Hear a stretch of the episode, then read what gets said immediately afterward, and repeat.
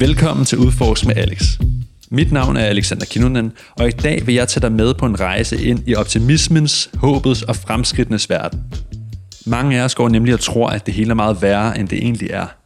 Bevares. Der er mange store problemer derude, og dem skal vi nok komme til. Her i Udforsk med Alex har jeg i hvert fald ikke tænkt mig at holde mig tilbage, når det kommer til kriser, katastrofer og dystopier. Men det behøver ikke ligefrem at være mørkt alt sammen. Før vi kommer til, hvordan tingene er bedre, end vi tror, starter vi til gengæld lige med at tage en tur tilbage til år 2012, og måske det mørkeste af alting, nemlig verdens undergang. Kan du huske den 21. december 2012? Ifølge den marianske kalender var det dagen, hvor jorden ville gå under.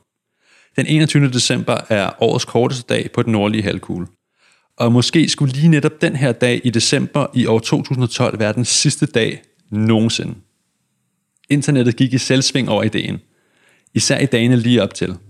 Som om juledagen ikke var stresset nok i forvejen, så var dommedag også på vej. NASA scientists have repeatedly tried to dispel the rumors about the world coming to an end. Amazingly, one in 10 people around the world believe that today is doomsday. They base this on interpretations of the Mayan calendar, which ends on 12 21 12. It's not the case that the Maya ever predicted any apocalyptic event. At mayaernes kalender skulle slutte i år 2012 viste sig at være en mildestalt grov fejlfortolkelse, og i det hele taget afviste videnskabsfolk alle mulige foreslåede teorier for, hvorfor verdens undergang var nær.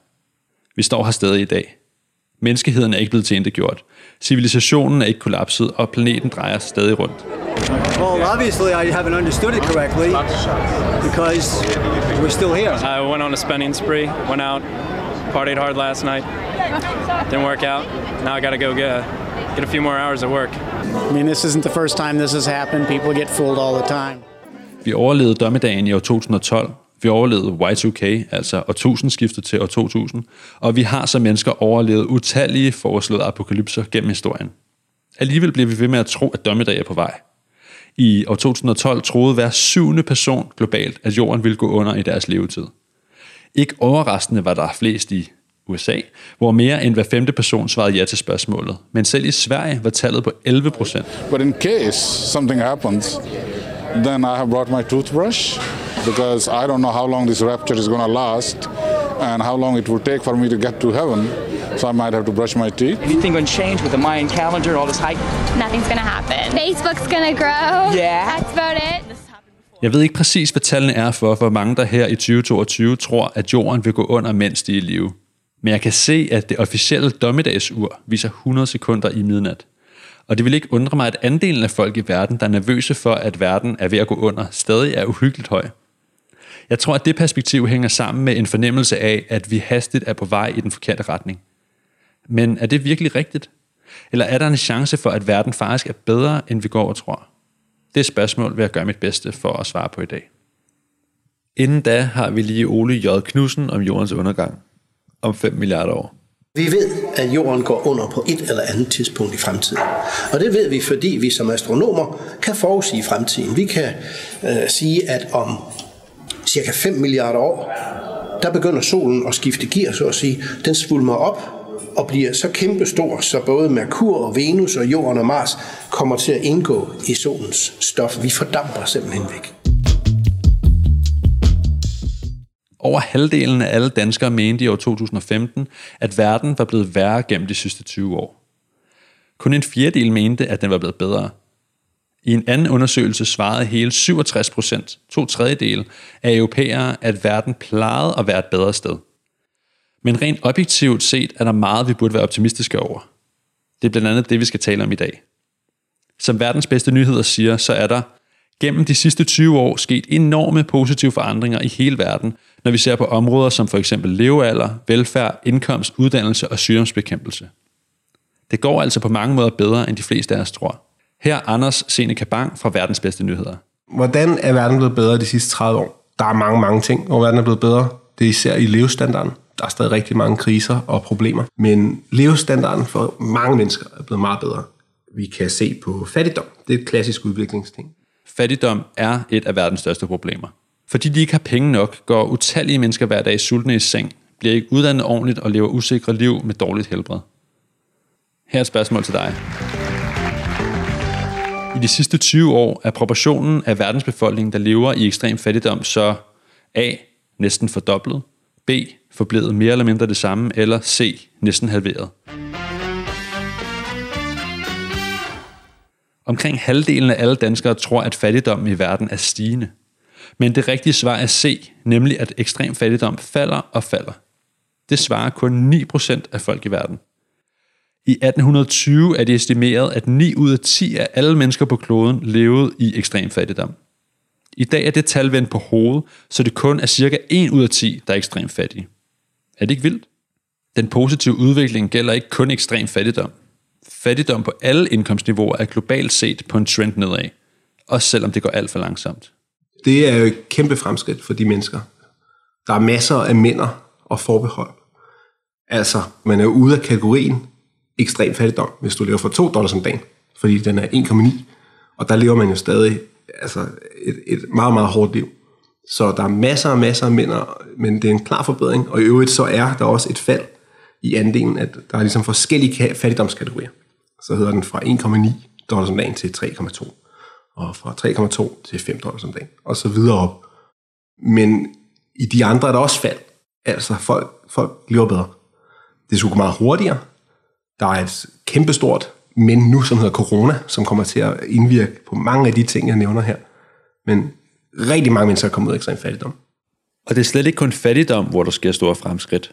Selvom vi hele tiden skal huske de her mænd, som Anders Seneca Bang fra Verdens Bedste Nyheder siger. I år 1800 var det for eksempel kun lidt over hver 10. 15-årige person på kloden, der kunne læse og skrive. Igen er det stort set omvendt i dag. I år 2016 var det nemlig kun 14 procent af de unge verden over, der ikke kunne læse og skrive, og altså 86 procent, der kunne. Det hænger selvfølgelig sammen med, at langt flere går i skole i dag end nogensinde før i historien. På verdensplan er det 5 ud af 6 børn, der gennemfører grundskolen.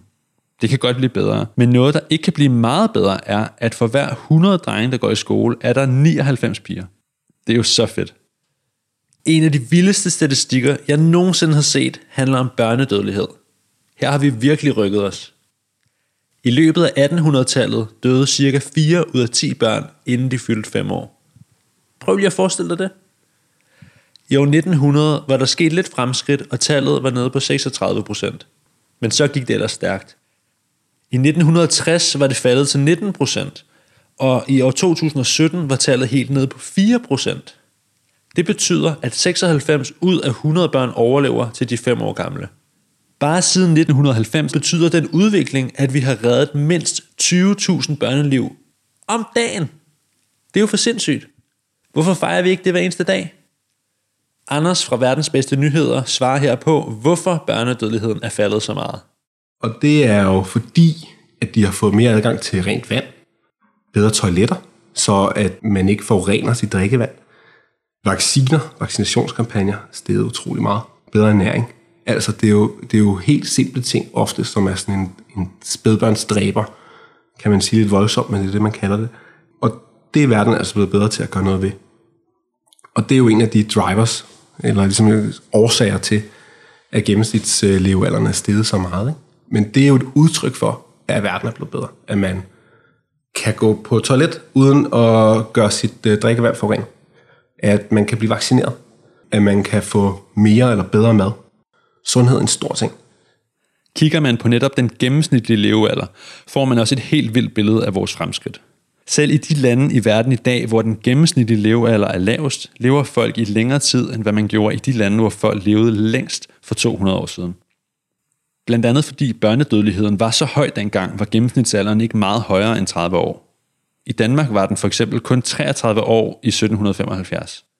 Men selv hvis man fjerner børnedødeligheden fra statistikkerne, bliver de fleste verden over ikke meget ældre end 50-60 år.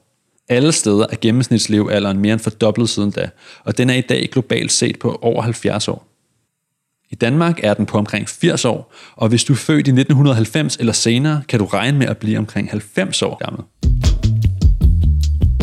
Jeg er selv født i 1992, og fra dengang til i dag i år 2022 er gennemsnitslevealderen i Danmark steget fra 75 til 81 år.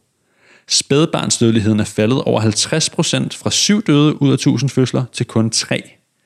BNP per indbygger er steget med næsten 40 procent fra ca. 230.000 til 320.000 kroner. Går vi længere tilbage, lad os prøve med 50 år, er fremskridtene endnu mere slående. Er du født i 1971, er den gennemsnitlige levealder steget med 10% i din egen levetid. Børnedødeligheden er faldet med 76%. 76%. BNP per indbygger er mere end fordoblet, og det gennemsnitlige antal år, folk går i skole, er steget fra 7 år til 11 år. Alt det på bare et halvt århundrede. Det var mange tal, det ved jeg godt. Og de her tal er selvfølgelig langt fra den fulde fortælling, men samlet set fortæller de os stadig noget vigtigt. Verden er på mange måder bedre, end de fleste går og tror. Her er Dr. Max Rosa, økonom fra Oxford og grundlægger af Our World in Data. If we ask people whether or not the world is making progress, the majority of us believes that things are getting worse. One reason why we do not see progress is that we are just unaware of how bad the past was.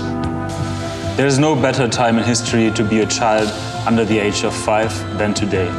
Fewer people are dying of disease, conflict, and famine. More of us are receiving a basic education, and it is possible to end poverty. The best news we never hear is that the world has become a much better place. Listen over ting, der er blevet forbedret på jorden i løbet af den seneste historie, er forbløffende. Der er flere kvindelige politikere. Der er flere lande, der forbyder vold mod kvinder. Der er flere lande, der øh, lovliggør homoseksualitet. Der er mange steder, hvor at menneskerettighederne går fremad, men især ligesom levestandarden. Sygdom, fattigdom, uddannelse, sult. De, de store der, der går det fremad på den lange bane. Det betyder på ingen måde, at vi kan slappe af og sige, det var det. Fremskridt er ikke nogen naturlov. Vi er stadig langt igen, men det betyder, at fremskridt er mulige. Anders Seneca Bang fra Verdens Bedste Nyheder synes ikke, at det går hurtigt nok. Men forbedringerne er ikke til at tage fejl af. Så er der masser af hik og mænder og forbehold og udfordringer. Stadig udfordringer. Det går ikke fremad hurtigt nok jo. Men det er altså en anden verden nu end for 30 år siden. Og så skal vi bare huske, at alt det her ikke er sket af sig selv. Det er sket, fordi opfindsomme folk kontinuerligt arbejder hårdt på at gøre verden til et bedre sted at leve for os mennesker. Hvordan kan det så alligevel være, at vi tror, at udviklingen i verden går den forkerte vej? Altså, jeg er 100% med på, at der er store udfordringer, både i dag og i vores fælles horisont. Klimakrisen og risikoen for atomkrig tror vores fremtid. Ingen ved præcis, hvad der vil ske med kunstig intelligens, med jobmarkedet eller med fiskene i havet. Men, og det er et stort men, ingenting er skrevet i sten.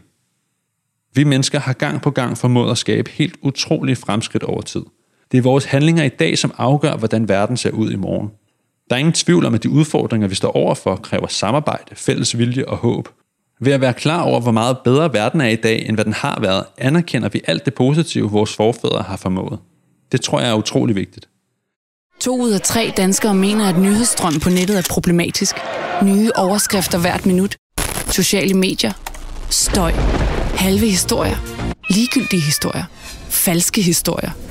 En verden, hvor dem, der råber højst, vinder. Vi mener ikke, det er nok at konstatere, at der er et problem. Sådan reklamerer Zetland for sig selv. Som en modpol til den traditionelle mediedækning, som ja, har en tendens til at fokusere meget på at lave sensationelle overskrifter. Du har nok lagt mærke til, at der tit bliver talt om ret forfærdelige ting i nyhederne. Flystyrt, mor, sygdom, terror, korruption, vulkanudbrud. Indimellem er der også solskinshistorier om små fremskridt her og der, men den langt overvejende del af nyhederne handler om drama, uheld, krig, ulykker og katastrofer. Det ligger i nyhedernes DNA. Første kriterie ligger allerede i ordet nyhed. Er der sket noget nyt? De fem klassiske nyhedskriterier er aktualitet, væsentlighed, identifikation, sensation og konflikt.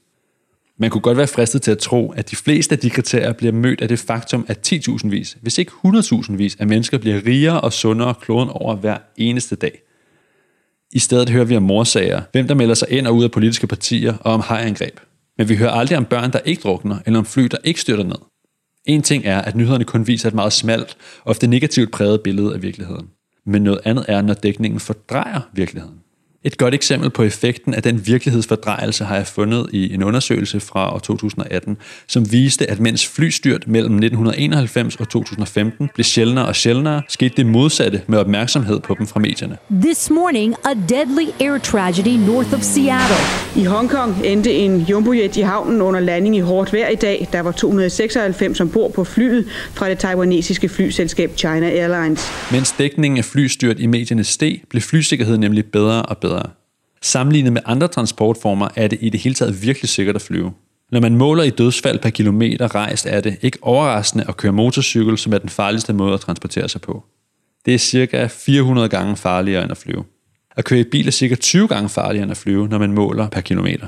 Man kører måske heller ikke lige så langt, som man vil flyve. Men alligevel. Den negative vinkling af flystyrt i medierne har en konsekvens. For undersøgelsen viste, at når medierne brugte meget krudt på at fortælle om flystyrt, fløj folk mindre. Det er måske isoleret set ikke så slemt, men er det ikke lidt vildt, at medieskabt frygt kan styre, hvordan folk opfatter verden, og hvordan de så handler? Medierne har et stort ansvar. Det er vist ikke nogen stor nyhed. Men hvor forkert er vores opfattelse af verden egentlig? Det vil jeg virkelig gerne dykke ned i. For at undersøge spørgsmålet, løb jeg meget hurtigt ind i svenskeren Hans Rosling. My name is Hans Rosling. I'm a statistician at... No, no, no, no! Don't switch off! Because with the latest data from all countries, I'm going to show you the world in a new way.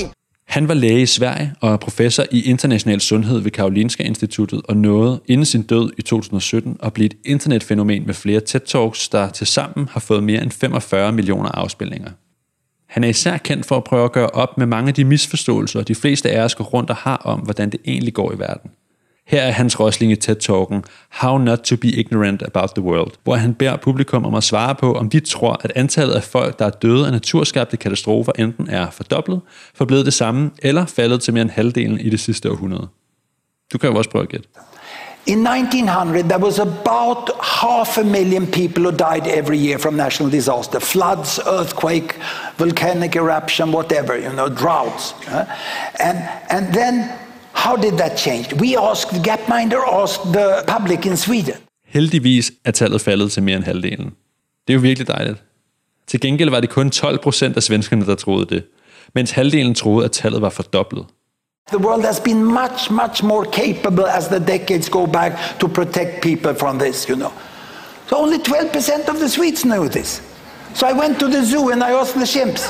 The chimps doesn't watch the evening news. So the chimps, you know, they, they, they just choose by random. So the Swedes answer worse than random. Now, how did you do? 33 procent. En tredjedel af chimpanserne svarede er selvfølgelig rigtigt, mens tallet for publikum var 30 procent rigtige svar. That's you. You were beaten by the chimps, but it was close. You were three times better than the Swedes, you know, but that's not enough. You shouldn't compare yourself to Swedes, you know.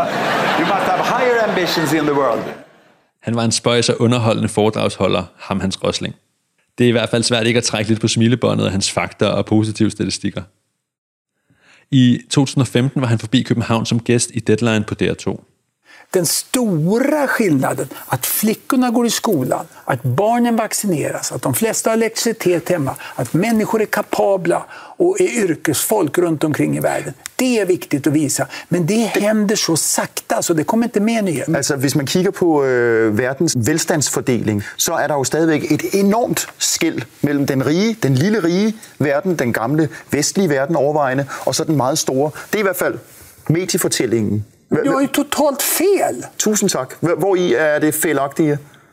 Det felaktiga är att av de människor på jorden som kan flyga på semester, som lever på den ekonomiska nivån, så är ungefär hälften lever utanför västvärlden. I interviewet har han lagt syv æbler på bordet på række. Hvert æble repræsenterer 1 milliard mennesker ud af de i alt cirka 7 milliarder mennesker, der levede i 2015. Vi er faktisk lige ved at nå 8 milliarder mennesker nu, men det er en historie til en anden dag. Hvert af de her små rødgrønne æbler er lige med 1 milliard mennesker. Om dem siger han, at den fattigste milliard lever under forhold, der svarer til at have levet i Danmark i 1850. Det er det første æble, altså det æble, der ligger længst til venstre. Så tager han det sjette æble op, den næst sidste mod højre, og siger, at den milliard mennesker lever under forhold, der svarer til Danmark i 1950. Der var Danmark ret godt. Æblerne ind imellem de to, 4 milliarder mennesker, lever i forskellige niveauer mellem Danmark i 1850 og 1950.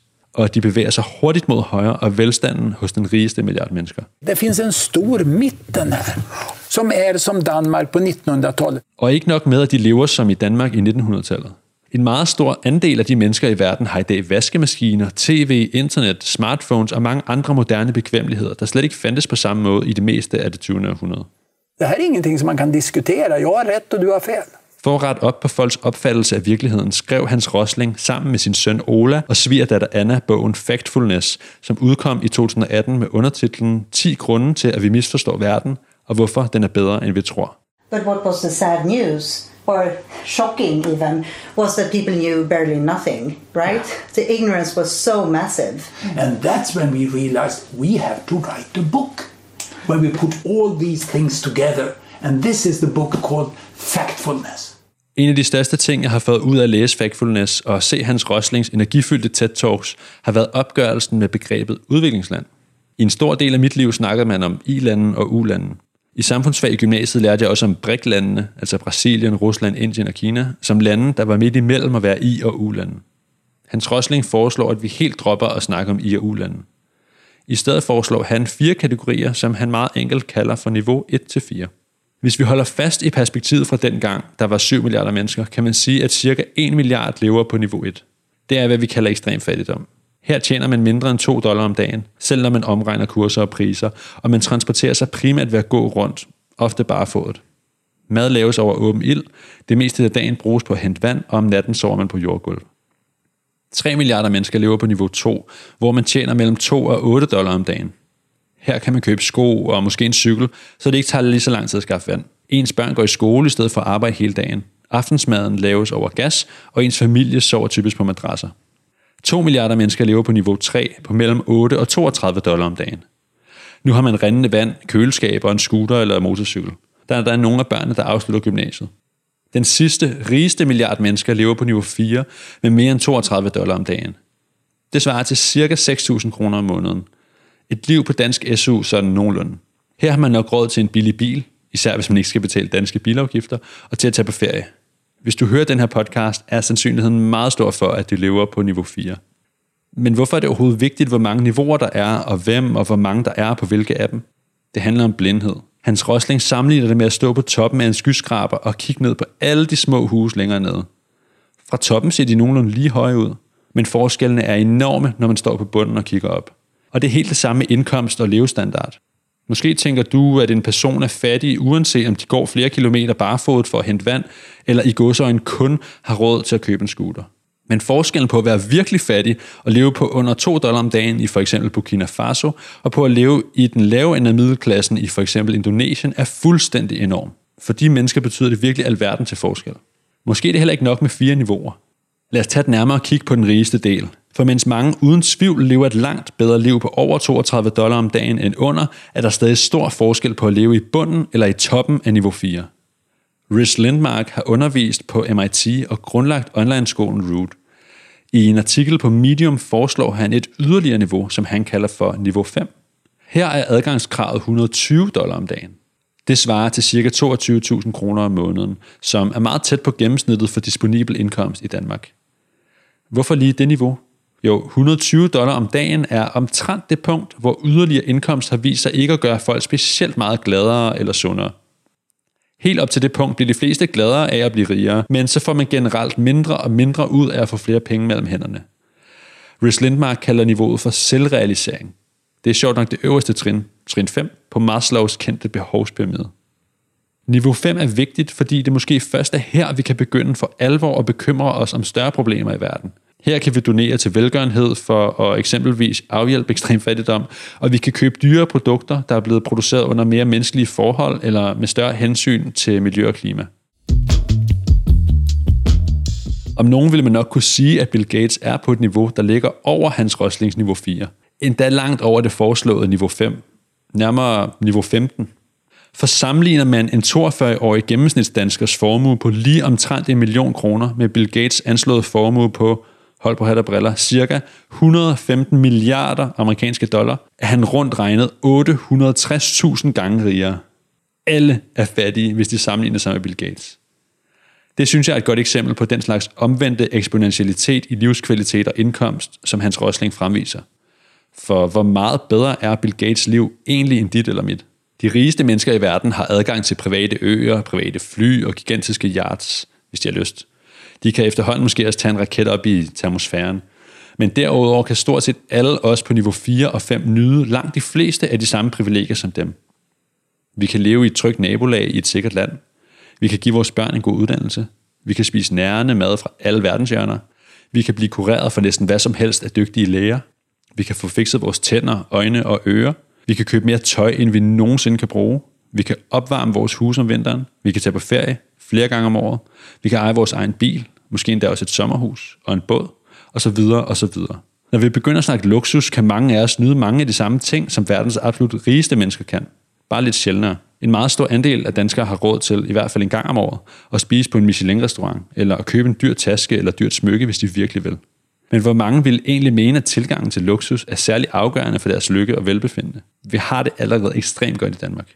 For godt, måske. Här händer ingenting. De rika länderna har inte minskat sitt koldioxidutsläpp på 20 år. De måste bli gröna först. Och de rika ska ta sig an klimatfrågan mycket seriösare än vad de har gjort. Och sen ska fattigdomen bort. Nogle personer tænker, at flere rige mennesker i verden bare vil gøre, at klimakrisen løber mere løbsk, og at det er bedre, at de ikke bliver helt så rige som os. Mod det perspektiv vil jeg først og fremmest mene, at det nok er en ret unfair måde at se verden på. Også rige Vesten har historisk set stået for en helt enorm del af de samlede drivhusgasudledninger, og det er stadig de rigeste lande, der pumper klart mest CO2 ud i atmosfæren per indbygger. Det er nemlig sådan, at de rigeste 10% i verden står for 49% af alle CO2-udledninger, mens den fattigste halvdel af verdens befolkningen kun står for cirka 10%. I stedet for at sige, at alle andre ikke må få vaskemaskiner og biler, tror jeg langt hellere, at vi skal gøre vores ypperste for at gøre det så attraktivt som muligt og leve mere klimavenligt og i symbiose med naturen. Vi skal vise vejen først. Det hjælper ikke at sige, at folk bare kan tage bussen i stedet for at køre på arbejde. Hvis de har råd, køber de nok en bil, og de får råd, hvis de ikke allerede har det.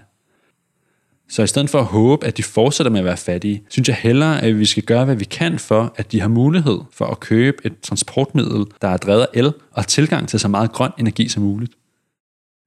Det er umuligt at spå om fremtiden. Men hvis fortiden siger os noget som helst, så er det, at velstanden ordnet set er steget i verden. Tallene, især de ældste af dem, er fyldt med usikkerheder, men de maler alligevel et klart billede, siger Hans Rosling.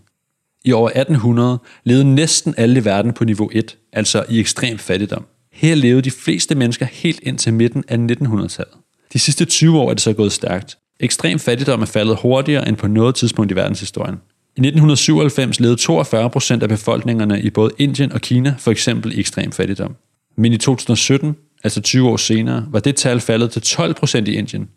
Næsten 300 millioner færre ekstremt fattige mennesker, og i Kina var tallet kun 0,7 procent, som betyder, at 500 millioner mennesker mere fik hævet deres levestandard fra værst til bedre. I Factfulness siger Hans Rosling, i dag er næsten alle sluppet ud af helvede. Den originale kilde til menneskelig lidelse er ved at blive udryddet. Vi burde planlægge en fest. En stor fest. Det er svært ikke at blive charmeret og opmuntret af hans rosling og hans opløftende budskab. Som om det ikke var nok med utrolige animerede statistikker, der vender op og ned på vores verdensbilleder, er han også kendt for at sluge sabler live på scenen. And I will now prove to you that the seemingly impossible is possible by taking this piece of steel, solid steel, and push it down through my body of blood and flesh. Can I request a moment of absolute silence?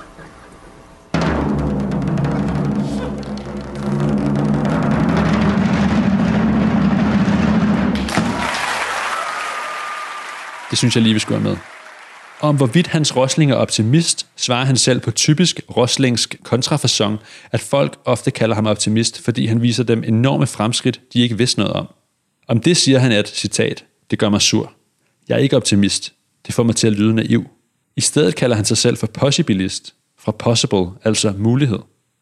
Jeg kan ikke lige finde på en god oversættelse. Mulighed ist lyder lidt mystisk. Potentialist, måske? Du forstår nok pointen. Han siger, at det betyder, at man hverken håber uden grund eller frygter uden grund, men at man i stedet modstår det overdramatiske verdenssyn. Det overdramatiske verdenssyn definerer han som et perspektiv, der lægger alt for meget vægt på ekstremerne, i stedet for at se, at langt de fleste faktisk befinder sig i midten. Når han ser alle de her fremskridt, fylder det ham med en overbevisning og et håb om, at fremtidige fremskridt er mulige. I've never called myself an optimist. But I do say I'm a possibilist. And I also say the world is much better than many of you think. Thank you very much. Men er det overhovedet rigtigt? Er verden virkelig bedre, end vi tror? Kunne man ikke udvælge fakta, som bevis det modsat?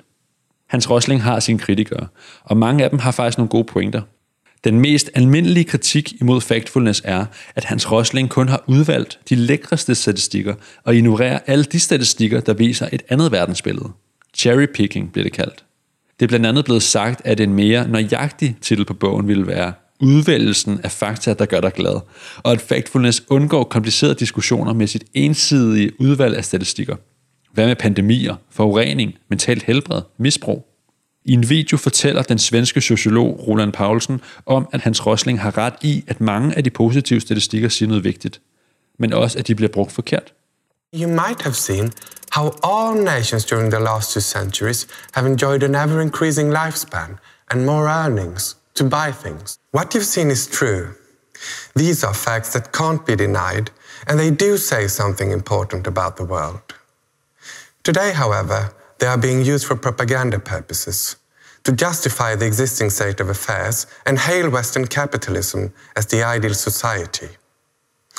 Both politicians and scientists do this, and they do it by emphasizing some facts to the extreme while completely ignoring other facts. Med animerede grafer, der minder om dem, Hans Rosling plejede at bruge, viser Roland Paulsen, hvordan en del af fremskridtene kan tilskrives en større ulighed. For eksempel i USA, hvor indkomsten for den fattigste halvdel af befolkningen stort set forbliver uændret, mens den rigeste procents formue bare stiger og stiger og stiger. Han viser også, hvordan gennemsnittet for levealderen i for eksempel Sverige skylder store forskelle. If we zoom in on Sweden, where I come from, a relatively egalitarian society, you can take the Stockholm Tube from the well-educated inhabitants of Danderyd to the less educated inhabitants of Vårby. This trip will only take a few minutes, but when you arrive, life expectancy will have dropped 18 years. All this is going on beneath the national averages. But even if we look at national averages, it is far from evident that industrial capitalism produces better and better living conditions into infinity. Han mener, at problemerne kan løses, men at der er brug for, at vi anerkender dem, og ikke kun fokuserer på de ting, der bliver bedre. Personligt synes jeg, at både kritikerne og Hans Rosling har ret på samme tid. For det er vel mest af alt et spørgsmål om perspektiv. Noget kan jo godt både være blevet bedre og stadig være slemt. Kan det ikke? Og selv hvis andre ting er blevet dårligere, kan det, der er blevet bedre, vel stadig være godt. Hans Rosling har udvalgt de bedste statistikker, fordi den historie, han gerne vil fortælle, handler om, at vi ved for lidt om verdens tilstand, og om alle de gode ting, vi har formået som mennesker over det sidste århundrede. Den viden skal vi blive motiveret af til at løse alle de problemer, vi stadig står overfor. Og dem er der masser af. Selvom jeg vidste, at dommedag kom i morgen, ville jeg stadig plante et æbletræ i dag. Sådan sagde Martin Luther i 1500-tallet. Eller sådan sagde en gruppe tyske kristne i 1944 midt under nogle af 2. verdenskrigs mest drabelige slag, at han havde sagt. Hvis ikke de i 1944 havde troet på en afslutning på krigen og en bedre fremtid, plantet træer i overført betydning, ville verden se meget anderledes ud i dag. I stedet vandt håbet, ligesom det til synligheden altid gør. Verden er meget bedre, end hvad den har været. Verden er stadig forfærdelig og uretfærdig, og verden kan blive meget bedre. Alle tre ting er sande.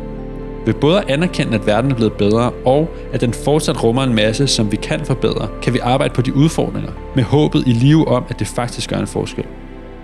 Så det synes jeg, vi skal gøre. Lad os rulle ærmerne op og komme i gang. Tak fordi du lyttede med. Show notes til episoden kan du finde på alexanderkinonen.dk-udforsk, hvor der er en udførlig kildeliste og links til flere ressourcer. Hvis du er interesseret i at få et mere nuanceret mediebillede, kan jeg anbefale, at du kigger nærmere på Zetland. Her er hurtige overskrifter byttet ud med dybdegående artikler om tidens vigtigste emner. Altid skrevet i et sprog, der er til at forstå. Og så bliver artiklerne også læst op, hvis du hellere vil lytte til dem. Det er også værd at kigge forbi verdens bedste nyheder. Tilmeld dig nyhedsbrevet, så sender din mail en gang om ugen med positive nyheder om store fremskridt rundt omkring i verden. Det er så fedt. Til sidst kan jeg anbefale at tjekke Hans Rosling og hans søn Olas arbejde ud. Start med at se deres TED-talks på YouTube og dyk dybere med bogen Factfulness. I næste episode af Udforsk med Alex skal det handle om dig og mig. Jeg undersøger nemlig, hvordan det egentlig går med vores lykkefølelse og livstilfredshed her i Danmark. Forskellen på oplevelser og minder, hvad vi selv kan gøre for at blive gladere, om vi er optimistiske for fremtiden og en hel masse andet om netop vores lykke. Det vil være dejligt, hvis du vil lytte med. Episoden er allerede udgivet. Jeg vil også virkelig sætte pris på feedback. Al form for ris og ros er velkomment. Skriv til mig direkte på kontakt på Instagram eller ved at anmelde podcasten i din podcastafspiller. Anmeldelser hjælper mega meget, så det vil være så nice. Hvis du har lyst til at dele podcasten på dine sociale medier, sender det også et kæmpe like. Uanset hvad, skal du vide, at jeg sætter pris på din opmærksomhed. Tak, fordi du lyttede med.